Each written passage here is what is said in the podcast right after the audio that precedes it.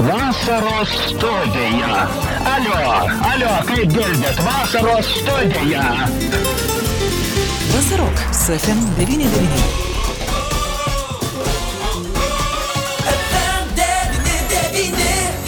Vasaros studija. Sveiki, bičiuliai, prie mikrofono Liudas, vasariški orai, be jokios abejonės, galima kalbėti apie tropikų pojūčius, nes esant tokiai temperatūrai, ko gero apie nieką kitą daugiau negalima galvoti, kaip apie atgaivą gamtoje. Na, o Dzikijoje mes turime nuostabią gamtą ir šiandien kalbame su Metelių regioninio parko direktoriumi Ramūnu Krugeliu. Ramūnai, laba diena. Labą dieną. Tropikai Lietuvoje, kas su ta gamta darosi? Šią vasarą, ko gero, iš tikrųjų ir Metelys ir Obelys Lyja ir Duse, jie tiesiog apgulti, ar ne, norinčių pasislėpti nuo karščio bangos, štai ir Liepos mėno praktiškai visas rekordinis, kaip jūs ten gyvenate? Tai puikiai gyvenam, žinot, kai mes prie ežero, ne mieste, medžių, medžių neišsikirtę, net betono. tai, tai, tai vėsu gerai, vanduo geras, per daug neišyla, bet irgi kai, kaip tik vakar pasižiūrėjau vandens temperatūras, tai Dusios ežero vanduo vienas gaiviausių Lietuvoje, 23 laipsniai, visur kitur vandens temperatūra siekia ir 25 ir 26 Taip. ir 27 yra, o pas mus viskas švaru, gaivu ir gera. Vanduo skaidrus,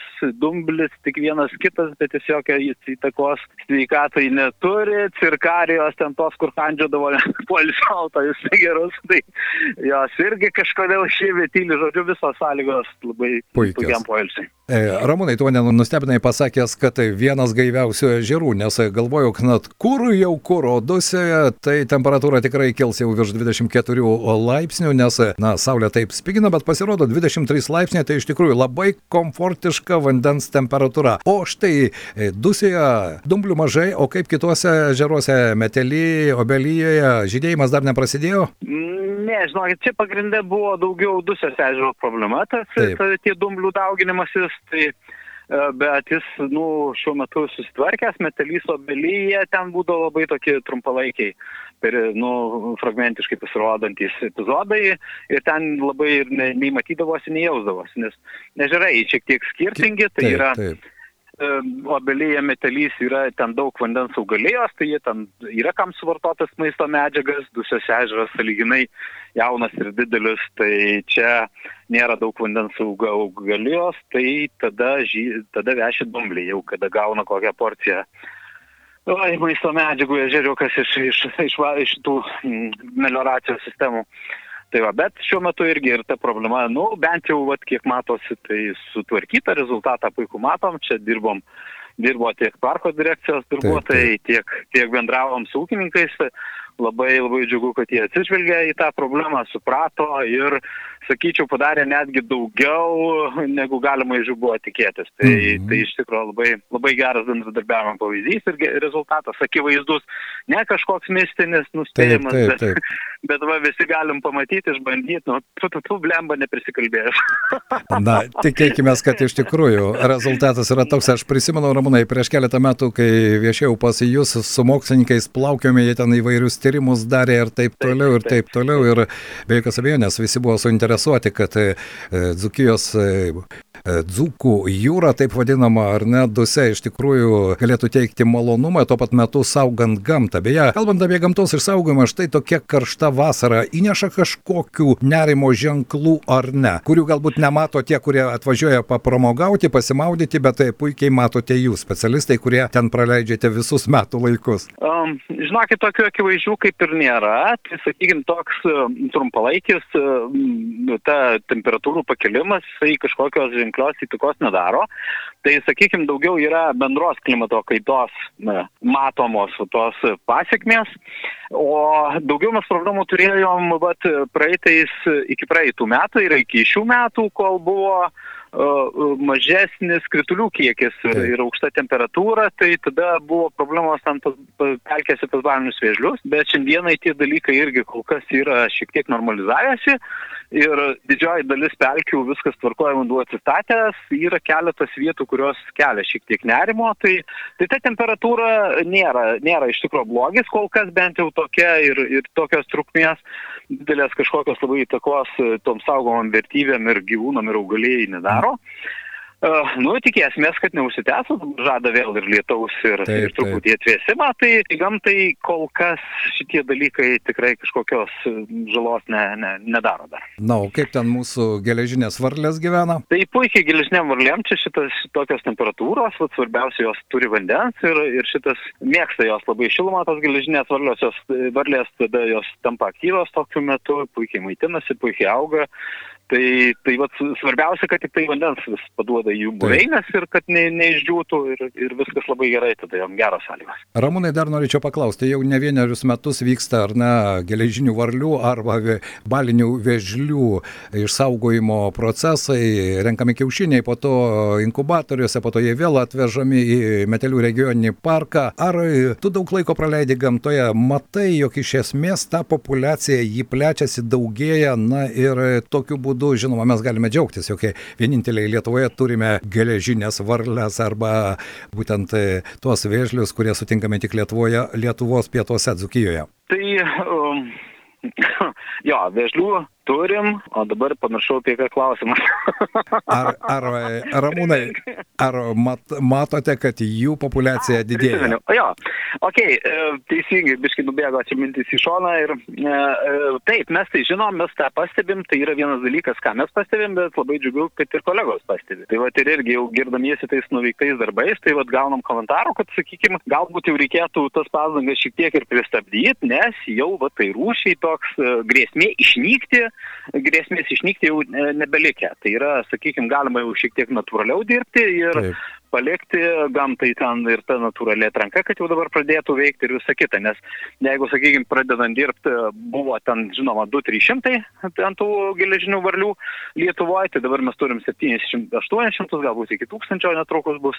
Tai, va, tai, tai tas pavojus toksai jų išnykimo, jis, jis yra stipriai sumažėjęs. Taip, taip. Jo, Nu, ne visai eliminuotas, tai sakykime vis tiek, kada mes turim labai um, riboto, ribotą arealę tą visą populiaciją, tai vis tiek niekur nedingsta, kada padaugėja individų, tai vėlgi iš, išauga jau šitų lygų grėsmės visokios ir tada vėlgi ten ar grybelinės kažkokios lygios ar dar kažkas vėl yra pavojus, tai dabar mąstoma apie veidrodinės populacijos sukūrimą, tai sakykime kažkada yra irgi žinoma, kad žemaitijoje galbūt tų vėžlių irgi buvo, tai va dabar pasikeitų šiek tiek klimatų ir tas arealas, kada jeigu pasistumėja šiaurės link, tai yra prasminga jau šiek tiek galvoti, Plėsti, kad, sakykime, sukurti jo plėstis, tai yra kurti kitą izoliuotą, nu, populiaciją, kuri galbūt izoliuota bus nuo šitos, tada jau tie vėžliai įgaus žymiai didesnę apsaugą negu kad dabar. Supratau. Ramūnai, dar vienas klausimas. Pastarojų metų, ko gero visi pastebėjo, invazinių pačių paprasčiausių, keisčiausių gyvių, sraigių, ko tik meškėnų, beje, štai apie meškėnus. Jau keliuose e, automobilius kai kada atakuoja meškėnai ir tokiu atveju irgi policijos pareigūnai mums praneša, ar jie nekelia e, būtent jūsų regionui kažkokio pavojus, nes vis dėlto yra invaziniai gyvūnai. Kelia iš tikrųjų, taip, tai yra aktyvus smalsus plėšrūnai, jie valgo viską, ką randa ir tame tarpe ir vėžlius. Tai čia, kiek žinau, anksčiau ten buvom susidūrę su tą informacija, kad Vokietijoje ir Lenkijoje tam tikrose dalyse sunku surasti sveiką vėžlį, nes Taip. jie ten vaikšto apvalgyti rankytėm kojytėm ir, ir ten kiek jis pasiekė tas miškienas, tiek, tiek jisai ir apgraužė tą vėžlį. Tai ypač, ypač jauniklius, tai sakykime, jeigu senius gal jam sunkiau ten pagauti, ištraukti iš, iš tos balas, bet jauniklius kažkur keliaudamas, tai susidūrė su tokiu jau, jau taip, tai yra rimtas, rimtas grėsmingas priešas. Na, o dabar apie tos gamtos priešus, kurie turi dvi kojas, o ne keturias.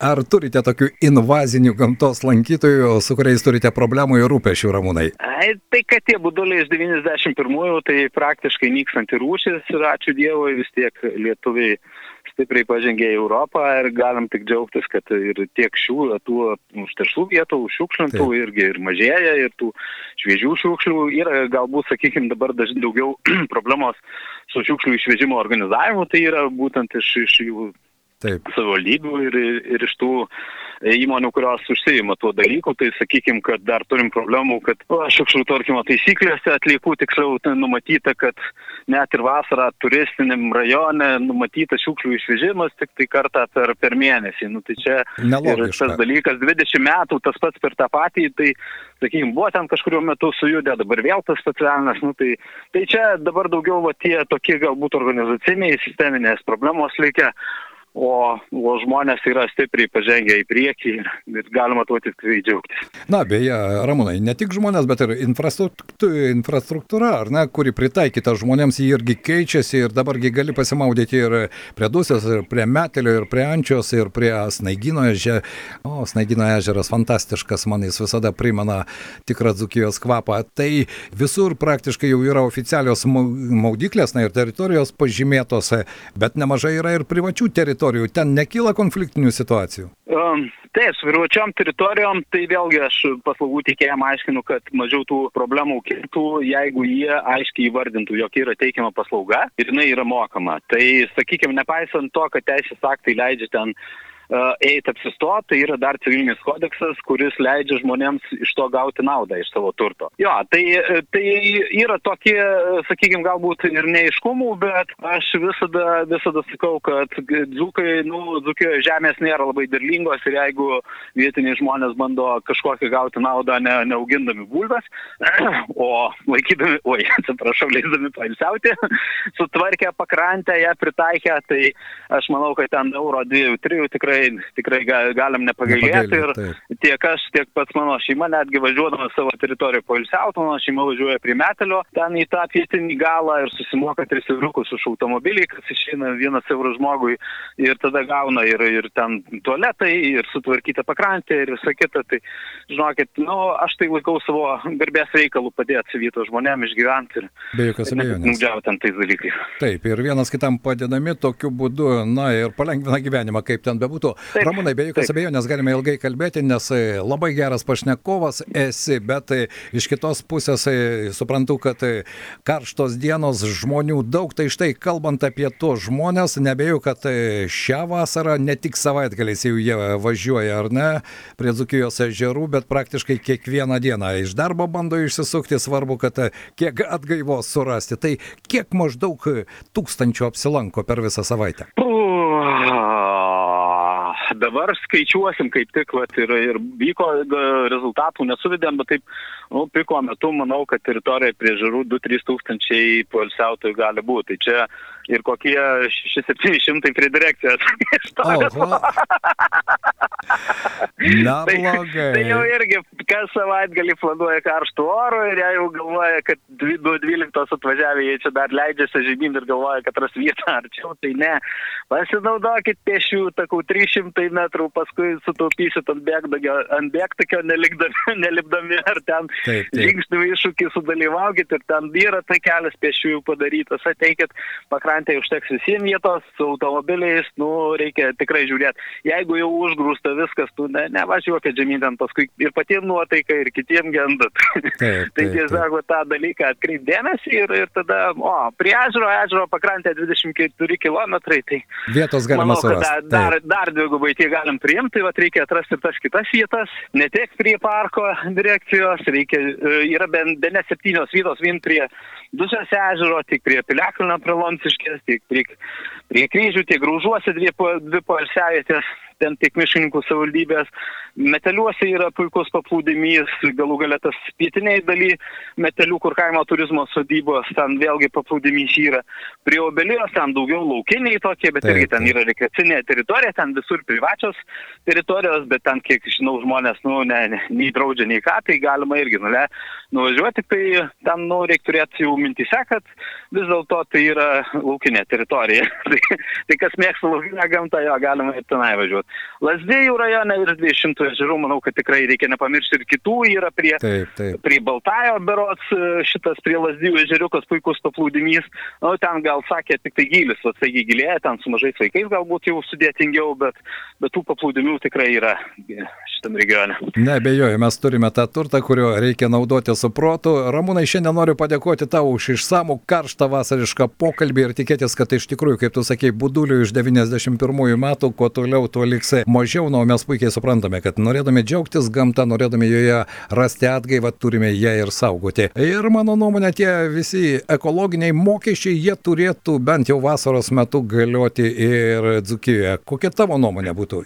Um, taip, jeigu norim uh, normalios infrastruktūros, Tai, tai turim prisidėti prie jos išlaikymo, taip pat ir prie mūsų direkcijos, tas lankytojo bilietas, kurį čia vis tiek didžioji dalis susimoka, tai jis padeda vat, ir tas plaukiančias supuoklės, kur dabar važiuoja iš visos Lietuvos um, selfintis ir, ir tą tualetą išlaikyti. Tai, tai atrodo toks būtinis dalykas, bet tai vien tualeto išvežimas per sezoną pusantro tūkstančio eurų. Tai žinokit, nu, ta prasme, tai. jeigu, žmo, jeigu tai būtų privalomi dalykai ištis tvarkyti, aš tai tik tai už ir kad žmogus bet kokiu būdu ten eurą du susimokėjęs, jis tada gautų kokybiškas paslaugas. Tai, tai e, taip, taip, ryte dėrėtų mąstyti, manau, kad ir viso regiono mastu ir viskas tvarkyti. Be jokios abejonės, jau lab, kad šio laikinės technologijos gali leisti visą tai padaryti, ar ne, interneto pagalba, išmaniųjų įrenginių pagalba ir jokių kontaktų gali ir nebūti. Na ir paskutinis klausimas Ramūnui, kada šeštadienį pirmą žmogų pamatote